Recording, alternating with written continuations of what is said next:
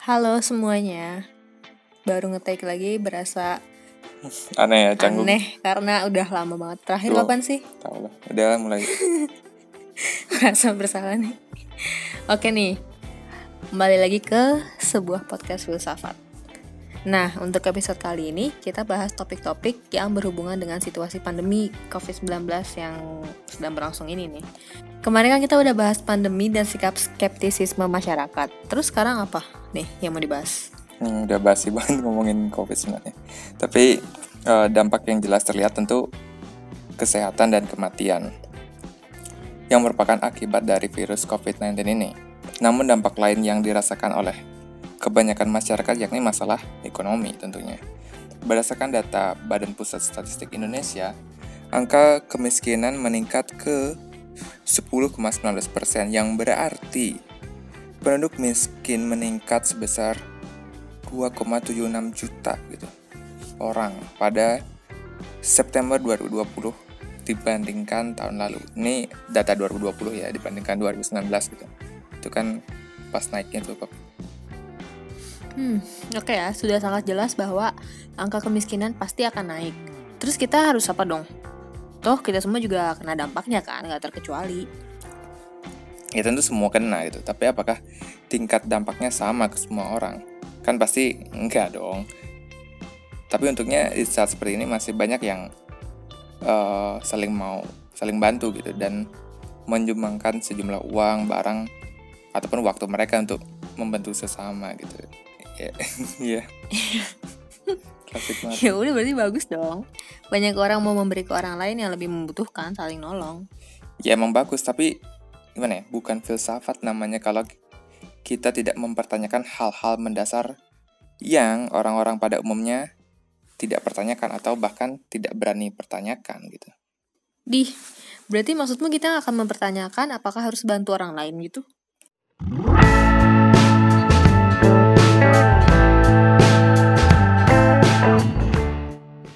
Iya, tentu kita harus mulai dari sana dulu sebelum kita bahas ke hal-hal yang lebih kompleks. Dan lucunya, kadang kita terima-terima saja gitu norma-norma yang berlaku di masyarakat tanpa tahu kenapa harus kayak gitu. Ya contohnya kayak tidak boleh mencuri gitu. Kenapa sih kita nggak boleh mencuri ya? Selain itu melanggar hukum, ya apalagi gitu. Kayak pembahasan kita tentang imperatif kategoris lihat di episode episode mana dah? Berapa ya? Mana Aku juga lupa. Kayaknya di episode tentang apa yang trolley problem gitu ya. Yang apa? Maukah kamu membunuh satu orang demi menyelamatkan lima orang ini? Yang itu sih. kayaknya. Oh iya, yang itu, yang kita nggak boleh mencuri karena ya kalau kita bayangkan kalau pencurian atau perampasan benda itu diperbolehkan, ya maka nggak ada yang disebut kepemilikan. Semua orang akan saling berebut barang-barang dan konsekuensinya ya tatanan masyarakat jadi kacau. Iya maka dari itu tidak logis untuk memperbolehkan untuk mencuri gitu jika kita ingin hidup bersama. Oke, berarti balik lagi ke pertanyaan tadi. Apakah kita punya kewajiban moral untuk bantu orang? Tentu beda sudut pandang, beda pula jawaban dari pertanyaan ini. Ada yang bilang kita mempunyai kewajiban membantu orang lain. Ada yang bilang bukan kewajiban, namun itu adalah hal yang baik dilakukan gitu. Daripada kita sibuk berdebat apakah hal ini merupakan kewajiban atau bukan, yang lebih penting adalah apakah kita mau gitu. Mau nggak kita menolong orang yang mengalami kesusahan? Nah, ada sebuah eksperimen pikiran yang dicetuskan oleh fils- filsuf asal Australia yang bernama Peter Singer. Dia adalah filsuf moral dan profesor bioethics di Universitas Princeton. Dia memintamu untuk membayangkan kamu sedang berjalan-jalan di taman kota. Taman kota ini kebetulan memiliki danau buatan yang indah, dan kamu pun ingin pergi ke sana untuk melihatnya. Sesampainya kamu di sana, kamu melihat anak kecil yang meronta-ronta di air gitu. Sebenarnya eh, danaunya cetek, cuma bagi anak kecil ini cukup dalam gitu. Dia dia ternyata terjatuh di danau itu gitu dan tidak bisa berenang. Kamu melihat ke sekitar sejenak dan melihat tidak ada siapa pun di sana selain dirimu sendiri. Terus Peter Singer bertanya padamu, apakah kamu akan menolong anak itu? Ya bantulah. Eksperimen pikiran macam apa nih? Gak mau banget jawabannya. Semua orang yang denger ini juga pasti jawabannya akan nolong anak itulah.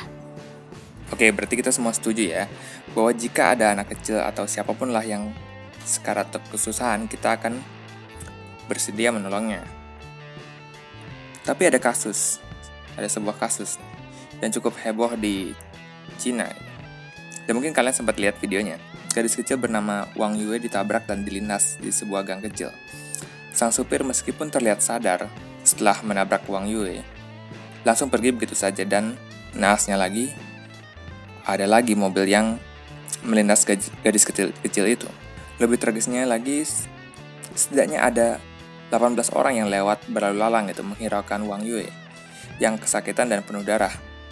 Sampai datanglah seorang wanita tukang sapu yang melihat uh, gadis itu dan menolongnya.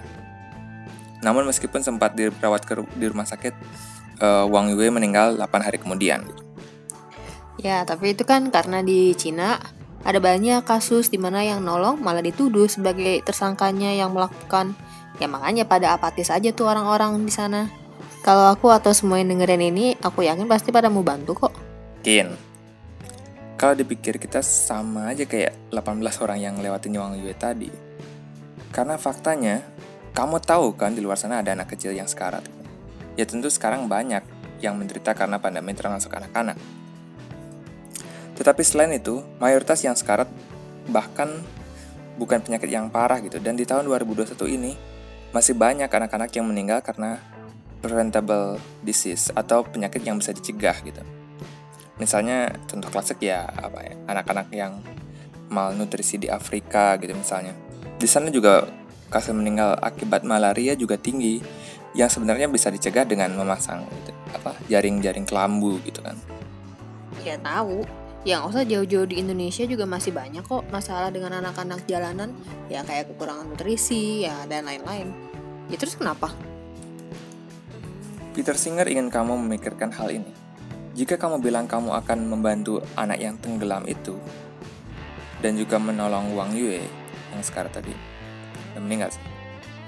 Berarti kamu juga harusnya mau membantu anak-anak lain di luar sana. Yang kamu jelas-jelas tahu sedang kesulitan Apakah kamu perlu melihat secara langsung ada anak kecil yang tenggelam di depanmu? Sepenting itukah dia ada di depanmu atau tidak ada di depanmu? Untuk merasakan penderitaan mereka, itu yang Peter Singer pertanyakan. Harusnya sih enggak ya, nggak penting. Ada di depanmu atau enggak kan? Hmm. Iya, kalau nggak penting anak ini ada di hadapanmu atau bukan, ya kenapa kamu nggak bantu anak-anak yang kamu udah sebut tadi gitu anak-anak jalanan itu anak-anak yang kekurangan nutrisi itu misalnya dan sudahkah kamu membantu mereka hmm. jadi jadi ragukan kamu pertanyaan ini di, diajukan Peter Singer untuk mengetes konsistensi moralmu jika kamu mau menolong anak kecil itu atau mengurangi penderitaan secara general gitu. harusnya kamu juga mau menolong orang lain gitu bukan yang tenggelam di depanmu aja gitu. Ya tentu pasti aku mau bantu, tapi kan waktu nggak ada dan anak-anak ini yang kekurangan nutrisi atau yang butuhkan juga jauh dari aku gitu, dari jangkauanku. Tapi kamu kan bisa donasi kan?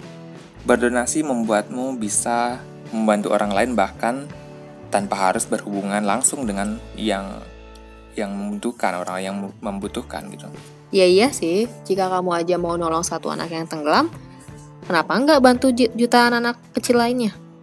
Iya, yang sebenarnya ingin disampaikan Peter Singer adalah jika kamu memiliki harta yang berlebih gitu dan kamu berkeinginan untuk mengurangi penderitaan di dunia ini, kamu harusnya secara aktif berdonasi kepada yang lebih membutuhkan itu.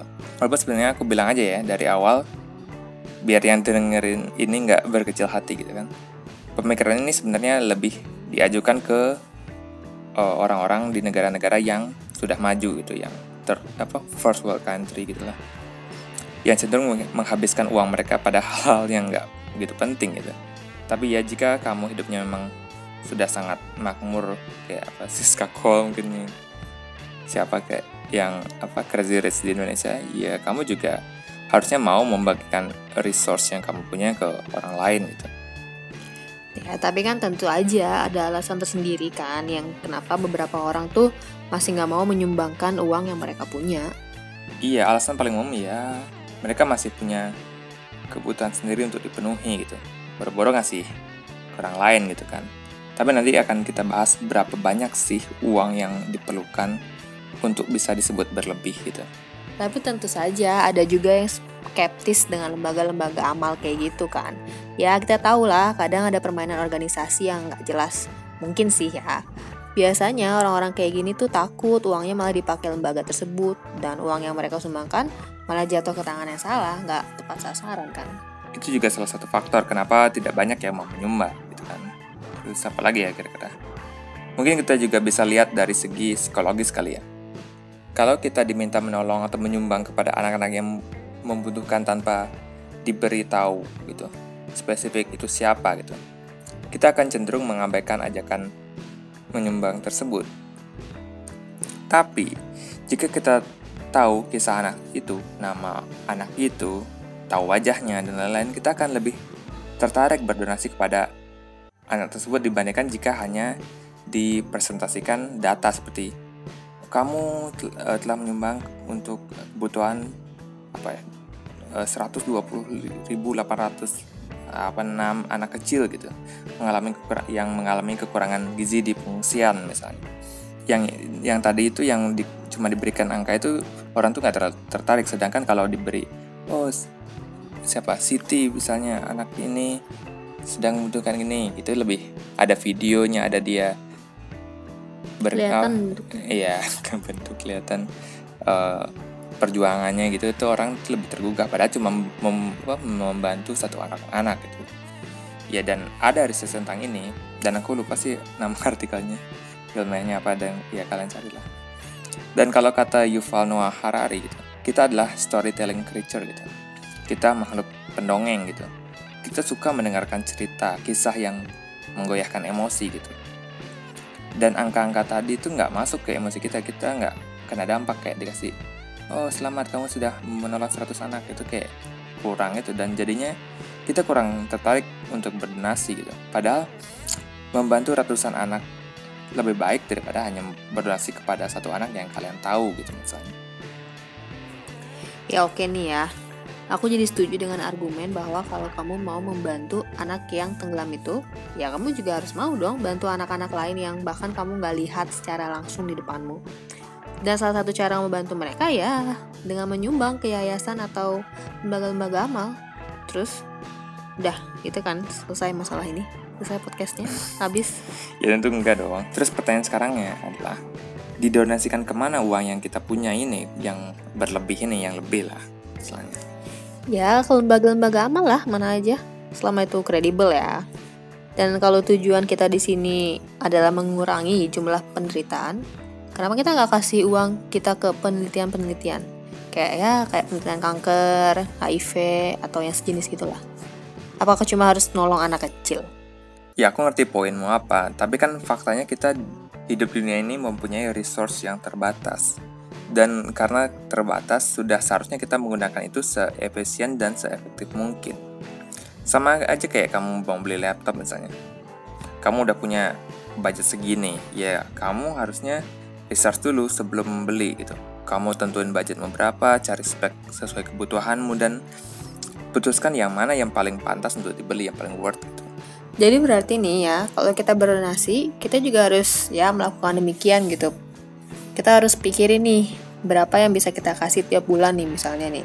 Dan dengan uang itu kita cari lembaga yang melakukan kebaikan paling banyak dengan cost atau dana yang paling sedikit. Yoi dan Peter Singer menyebut ini sebagai efektif altruism. Tentu dari namanya kita udah bisa tebak ya, altruisme itu ya berarti sikap yang tidak mementingkan diri sendiri dan mau membantu orang lain. Ya lawan katanya dari egoisme itu altruisme. Dan efektif berarti efektif gitu berhasil dan menghasilkan hasil yang diinginkan. Jadi hanya menjadi dermawan tidaklah cukup menurut Peter Singer. Jadilah dermawan yang efektif gitu dalam menyumbangkan uang yang ia punya untuk memberikan dampak yang signifikan pada hidup ini.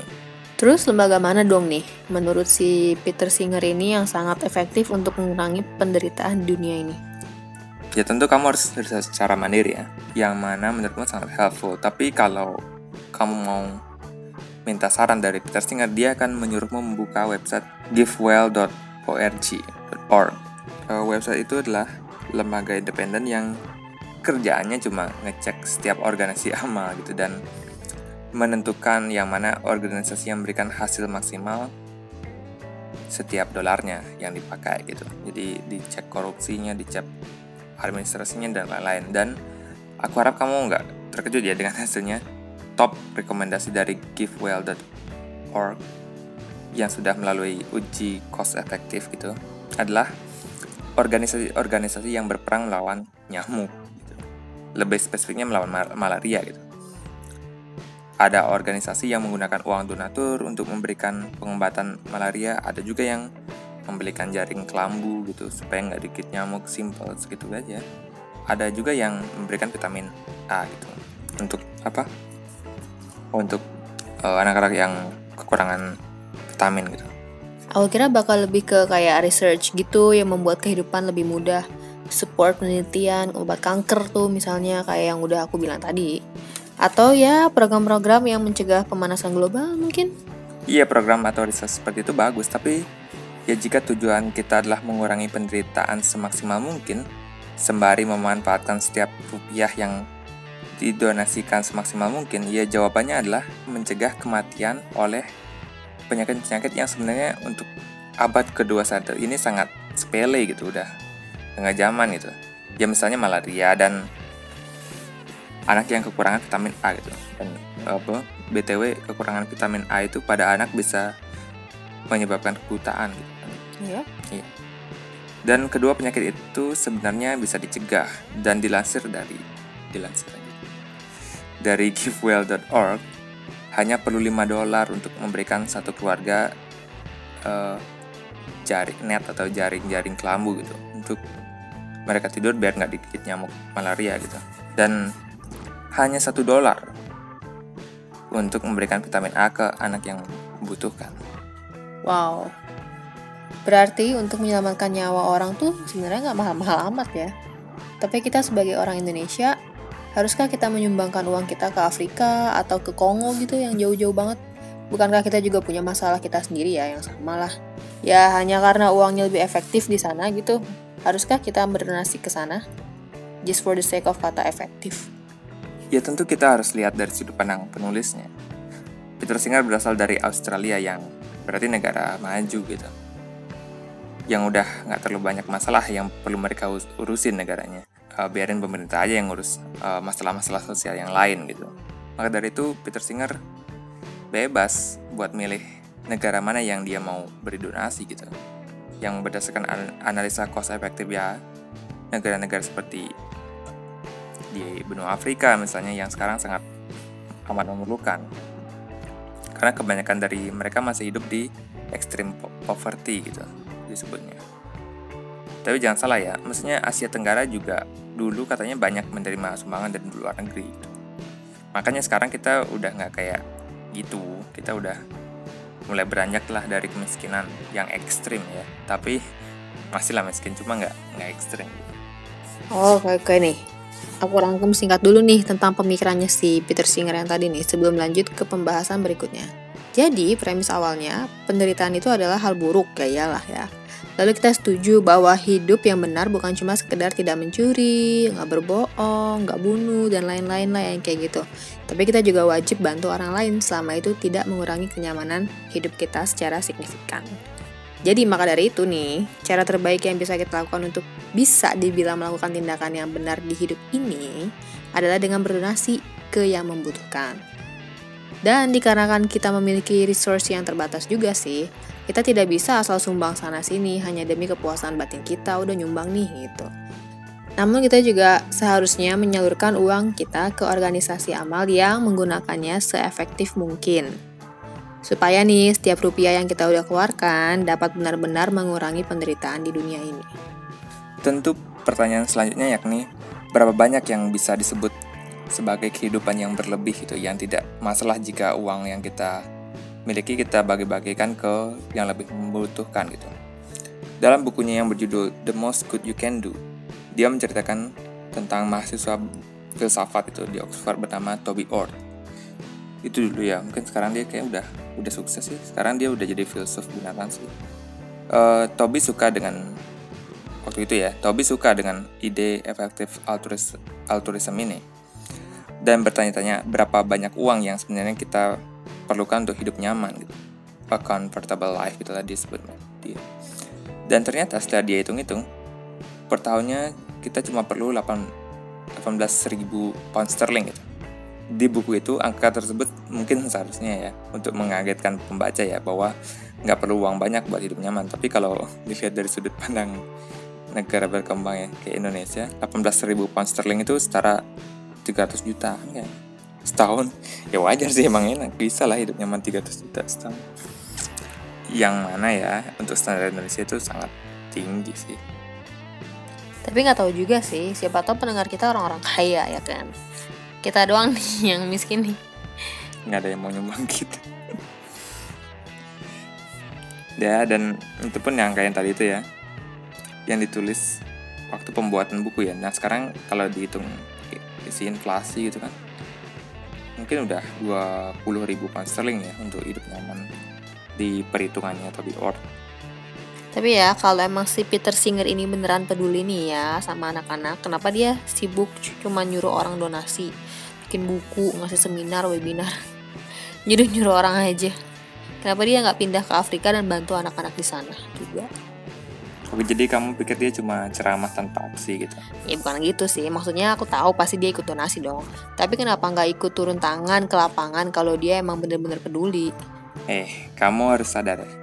Kita hidup di dunia yang kerja adalah segalanya itu. Kita diharapkan untuk produce more to spend more. Memperbanyak penghasilan supaya bisa lebih banyak yang bisa kita belanjakan gitu. Peter Singer bertanya, kenapa harus seperti ini gitu? Yang kita lakukan sekarang membeli barang-barang yang sebenarnya kita tidak benar-benar butuhkan. Tiap gajian ya kita check out wishlist kita gitu. Terus ngumpulin wishlist baru nih dalam bulan ini terus buat dibeli di bulan depannya. Menurut Peter Singer sangat gampang untuk jatuh ke lifestyle yang hedonistik. Yang perlu kalian sadari adalah yang membuat kebahagiaan datang dari dalam kata Peter Singer. Dan bagi dia membantu orang lain adalah salah satu cara mengisi kekosongan hati baginya hal tersebut sangat memberinya kepuasan dan kebahagiaan Iya nih, tapi kamu belum jawab pertanyaanku yang tadi. Kenapa dia nggak ikut bantu-bantu di Afrika langsung? Nah, sabar nih, ada lanjutannya. Karena kita hidup di dunia yang mengajak kita untuk produce more to spend more, gimana kalau kita ubah jadi produce more to donate more gitu kata, kata Peter Singer. Nah, maka dari itu kan lebih efektif kalau kamu kejar karirmu supaya penghasilanmu lebih besar dan hasil kamu bisa mendonasikan lebih banyak lagi gitu. Oh, jadi lebih efektif untuk kita ya tetap kerja sesuai bidang yang kita kuasai. Jadi kalau kamu bisa berdonasi lebih banyak, nanti lembaga tersebut mungkin bisa mempekerjakan lebih banyak orang lagi untuk program amalnya mereka gitu. Iya, gitulah. Bahkan dia kayak ya cari aja kerjaan yang gajinya gede mungkin di perbankan atau apa gitu kan. Nanti kamu gajian kamu bisa sumbang lebih banyak. Bukan berarti harus apa kamu resign cari kerja yang LSM, lembaga sumber masyarakat yang gitu-gitu. Malah lebih efektif dan kerja di perusahaan gede gitu biar kamu bisa menyumbang lebih banyak kayak gitu. Maksud Peter Singer. Jadi jelas ya tentang efektif altruisme dan bagaimana kita menyikapi kemiskinan yang ada di dunia ini Oke nih ya, karena kita tinggal di negara dunia ketiga atau third world country, mungkin kita nggak harus memikirkan anak-anak di Afrika dulu nih yang jauh-jauh banget itu. Kita punya permasalahan kita sendiri nih sepertinya. Dan sekarang setidaknya nih kita punya framework dalam melihat apa yang penting dan ke mana uangnya yang kita donasikan digunakan seefektif mungkin di Indonesia. Bukan, bukannya malah main iko-ikoyan ya. Iya, aku bingung sih ngelihat iko-ikoyan ini. Apakah ini disebut uh, sebagai donasi yang efektif gitu? Maksudku ini bentuk amal yang sustainable juga bisa dibilang. Ada selap yang uh, ngasih giveaway gitu. Terus dia dapat apa exposure terus dapat adsense gitu modalnya kan. Yang mana nanti keundangannya bisa dipakai buat donasi lagi kayak gitu. Tapi apakah target sumbangannya adalah orang yang benar-benar membutuhkan gitu itu yang masih perlu dipertanyakan Iya, maksudku nih iko-ikoyan ini kan giveaway lewat sosial media tuh. Dan yang ikutan juga pasti pada punya smartphone, pada punya akun sosial media lah setidaknya. Sedangkan kita tahu bahwa anak-anak yang hidup di extreme poverty atau kemiskinan yang ekstrim tadi itu, atau juga di pengungsian di Nduga nama daerah tuh karena konflik, aku pikir-pikir, aku pikir-pikir sih kalau sumber daya yang kita punya berakhir ke sana bisa memberi dampak yang lebih ya signifikan daripada iko-ikoyan dengan followers tapi ya mungkin itu bentuk apresiasi mereka terhadap followers mereka sendiri dan kita nggak pernah tahu apakah di balik itu mereka beramal diem-diem gitu kan. Ya apalagi yang di Nuga Papua itu kan juga uh, konflik yang cukup parah yang bikin banyak anak-anak pengungsi gitu kan. Apakah kita harus lebih fokus ke sana daripada yang ngemis-ngemis di sos sosial media kayak gitu kan? Ya begitulah. Kayaknya udah banyak sih untuk episode kali ini. Kayaknya segini doang dulu ini kayak gimana ya cuma kayak ngasih ide dasar atau pemikiran dasar dari efektif altruisme gitu. Nanti secara teknis tentang strategi donasi gitu atau berapa persen dari penghasilan kita perlu donasikan untuk itu ada di bukunya atau di websitenya effectivealtruism.org jadi ya mungkin ada tambahan dikit ya.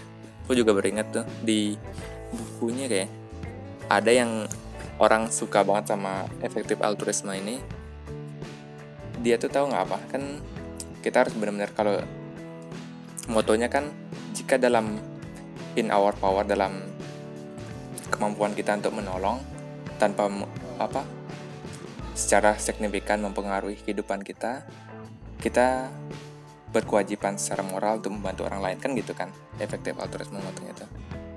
Nah ada nih orang nih pak gitu banget keren banget. Dia research gimana sih hidup dengan satu apa kidney sih? Ginjal. Ya ginjal. Dan ternyata emang nggak terlalu parah nggak? Itu tuh gampang sebenarnya hidup dengan satu ginjal. Tahu nggak? Sekarang dia kan in your power to help others kan gitu kan? Hmm. motonya efektif altruism iya dia bilang ternyata oh itu dengan satu ginjal nggak masalah. Disumbangin ginjalnya sama dia buat orang yang nggak tahu siapa anonymous kan gitu kan. Kamu nggak boleh tahu orang yang kamu kasih transplant gitu kan. Ini dia dia nyumbang ginjalnya buat orang lain yang perlu gitu. Hanya karena dia tahu hidup dengan satu ginjal nggak masalah. Dan yang kalau kalian perlu tahu yang di bukunya juga Peter Singer nyebut orang yang paling efektif memberi donasi paling banyak tahu siapa nggak? Bill Gates Bill and Melinda Gates yang foundation itu banyak banget nyumbang juga dan Warren Buffett juga dan sekarang makin banyak tokoh-tokoh CEO terkenal ya, kayak Elon Musk, Mark Zuckerberg ya gitu itu semua tuh ikut kayak oh efektif altruisme ini yang benar-benar memberikan secara efektif kayak gitu ke yang membutuhkan gitu ke extreme poverty lah istilahnya. Udah. Udah apa lagi? Udah. Ya udah, makasih ya udah dengerin. Ya, bye.